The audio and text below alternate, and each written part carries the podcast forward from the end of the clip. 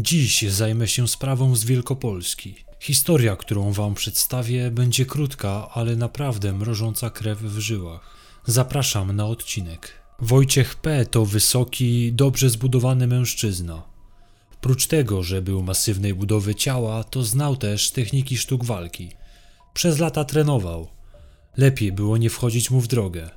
Miał wykształcenie wyższe logistyczne. Nie przekładało się to jednak na wykonywaną przez niego pracę.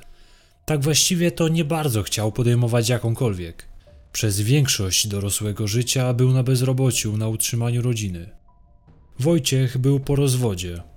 Z byłą żoną doczekał się syna. W 2017 roku, kiedy miały miejsce wydarzenia, o których opowiem, syn miał 7 lat. Wojciech był wtedy 35-letnim mężczyzną. Małżonka postanowiła się z nim rozstać ze względu na jego porywczy charakter, a także skłonności do nadużywania alkoholu. 10 marca 2017 roku Wojciech P. opuścił mury aresztu śledczego przy ulicy Młyńskiej w Poznaniu. Odsiadywał tam wyrok 22 miesięcy za przestępstwo znieważenia funkcjonariusza publicznego. Zresztą z aresztami i zakładami karnymi mężczyzna już był dobrze zaznajomiony. Wcześniej miał odsiadki za kilka innych przestępstw. Mimo wciąż młodego wieku, jego kartoteka była naprawdę długa. Kradzieże, wtargnięcie na posesję, a nawet znęcanie się nad własną matką. Łącznie do 2017 roku miał na koncie 7 wyroków wskazujących, także recydywa pełną gębą. Pierwszym jego ruchem po opuszczeniu aresztu był zakup alkoholu z pieniędzy, które miał wpłacone na koncie depozytowym. Gdy już zaopatrzył się w wyskokowe trunki, udał się do swojej matki, która mieszkała w Złotnikach. Złotniki to niewielka miejscowość, kilka kilometrów na północ od Poznania. Matka Wojciecha miała na imię Maria. Była 60-letnią kobietą. Wojciech nie miał co ze sobą zrobić, postanowił zatem zostać u niej na dłużej. Ze względu na wcześniejsze zachowanie Wojciecha, rodzina miała założoną niebieską kartę. Niestety, pierwszych dni na wolności nie wykorzystał on zbyt kreatywnie. Całe dnie spędzał w domu pijąc alkohol na umór. Marii taka sytuacja nie odpowiadała. Głośno protestowała przeciwko takiemu zachowaniu. Nalegała wręcz, by Wojciech wziął się do pracy i przestał całymi dniami przesiadywać na kanapie przed telewizorem. Oczywiście syn nie przyjmował pokornie uwag ze strony matki. Nie pozostawał dłużny i co róż dochodziło między nimi do głośnych kłótni. W trakcie awantur dochodziło do szarpanin. Syn nie wahał się użyć przemocy przeciwko swojej rodzicielce. Mimo ciągłych nieporozumień, Maria nie miała sumienia pozostawić Wojciecha na bruku. Za każdym razem, gdy po sprzeczce wyprowadzał się na jakiś czas, zawsze wracał i miał dla siebie miejsce w domu matki. Czasem to Maria nocowała poza domem, gdy po awanturach bała się spać pod jednym dachem z agresywnym synem. Kobieta chodziła posiniaczona, widzieli to jej sąsiedzi. Mimo iż minęło dopiero kilka dni od powrotu Wojciecha z aresztu, to już wielokrotnie dał się jej we znaki. Wojciech miał ogromny problem z agresją. Wyładowywał ją na matce, a także na całym wyposażeniu domowym. Maria najczęściej uciekając z domu, schronienia szukała u swojej sąsiadki. Ta wspomina, że kobieta przychodziła poobijana. Raz przyszła nawet kulejąc, ponieważ syn zdewastował jej nogę. Maria miała te incydenty zgłaszać na policję. Niejednokrotnie dochodziło do interwencji po awanturach. Już nie tylko po ostatnim powrocie z aresztu, ale i między poprzednimi odsiadkami działo się źle. Sąsiedzi sugerowali kobiecie, by wyprowadziła się i opuściła syna, jednak ta obrażała się za każdym razem, gdy ktoś insynuował jej takie sugestie. Wcześniej składane zeznania w sądzie odwoływała i miała żal do sąsiadów, że nie robili tego samego. Powtarzała, że jej Wojtek to dobry chłopak, tylko jak wypije, to zaczyna zmieniać się w bestię. To wszystko przez ten alkohol. Matczyna miłość zaślepiła ją zupełnie. Chyba wciąż wierzyła, że Wojciech się zmieni. Jednak nic na to nie wskazywało. W nocy z 18 na 19 marca 2017 roku doszło do kolejnej poważnej awantury w ich domu. Było kilka minut po północy. Jak zwykle mężczyzna był mocno pijany. Kolejny już raz Maria zwracała mu głośną uwagę. Dała mu wyraźnie znać, że nie będzie tolerować takiego zachowania. Jak zwykle doszło na tym tle do kłótni. Tym razem jednak przybrała ona poważniejsze rozmiary niż dotychczas. Wojciech wpadł w furię i zaczął demolować całe mieszkanie. Najpierw zaczął wyrywać półki z szafek w pokoju gościnnym.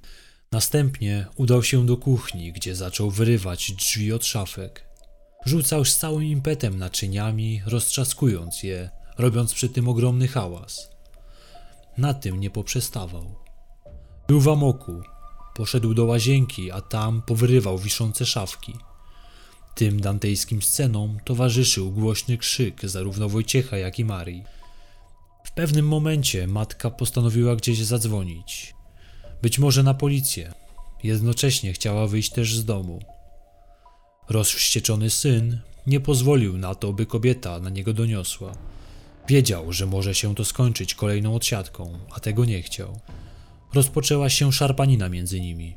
W pewnym momencie Wojciech, znacznie przewyższający warunkami fizycznymi Marię, chwycił ją obiema rękami i ciągnął na zewnątrz. Przerażona kobieta zaczęła wołać o pomoc i błagała syna, by ją puścił. Sąsiedzi słyszeli krzyki, jednak nikt nie interweniował. Dlaczego pozostali obojętni na cierpienie kobiety? Być może dlatego, że do tego typu odgłosów zdążyli się już przyzwyczaić. Pomyśleli, że to kolejna noc, kiedy pijany Wojciech zrobił matce awanturę. Część z sąsiadów być może nawet przestała kobiecie współczuć. W końcu zdawała sobie sprawę, jak zachowuje się jej syn. Mogła go pogrążyć swoimi zeznaniami dotyczącymi kolejnych pobić. Wolała jednak milczeć.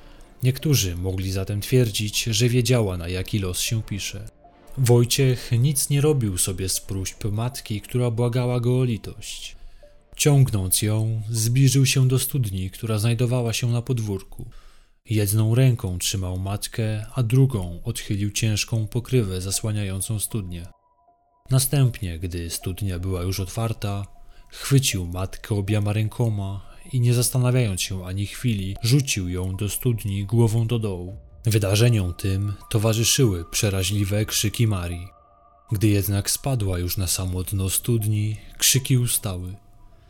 Tymczasem Wojciech, jak gdyby nigdy nic, zamknął wieko studni i udał się do domu, gdzie dalej mógł spokojnie już kontynuować picie wódki.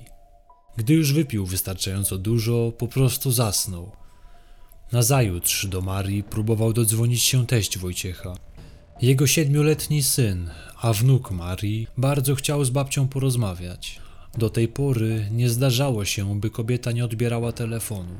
Zaniepokojony mężczyzna postanowił, że razem z żoną przyjadą do Złotnik, by sprawdzić, co się dzieje z teściową ich córki. Gdy przyjechali na miejsce, drzwi otworzył im Wojciech. Gdy zapytali się go, gdzie jest Maria, niemalże od razu, szlochając, wyznał im, co wydarzyło się minionej nocy. Teść poinformował Wojtka, że będzie musiał zgłosić na policję ten fakt. Tak też uczynił. Zięć poprosił go, by przed przyjazdem funkcjonariuszy kupił mu jeszcze papierosy. Mężczyzna spełnił tę prośbę. Kilka minut później pojawiła się policja. Od razu zatrzymali Wojciecha P. pod zarzutem zamordowania własnej matki. Zatrzymany nie sprawiał kłopotów i bez protestów udał się do radiowozu. Poddano go testowi na zawartość alkoholu. Co nie powinno dziwić, w wydychanym powietrzu miał on 0,4 promila alkoholu. Na miejscu zbrodni pojawili się strażacy, którzy wypompowali wodę ze studni. Tam znaleźli zwłoki Marii P. Biegli medycy sądowi stwierdzili u pokrzywdzonej obrażenia zewnętrzne w postaci sińców oraz otarć na skórka na głowie oraz na kończynach górnych i dolnych. W toku postępowania psychiatrycznego poddano Wojciecha badaniom psychiatrycznym. Ustalono, że nie cierpi on na żadną chorobę psychiczną. Stwierdzono natomiast cechy osobowości dyssocjalnej, a także zespół zależności alkoholowej. W czasie popełnienia przestępstwa oskarżony miał zdolności do rozpoznania znaczenia zarzucanego mu czynu i pokierowania swoim zachowaniem. Od początku postępowania oskarżony przyznawał się do zabójstwa matki.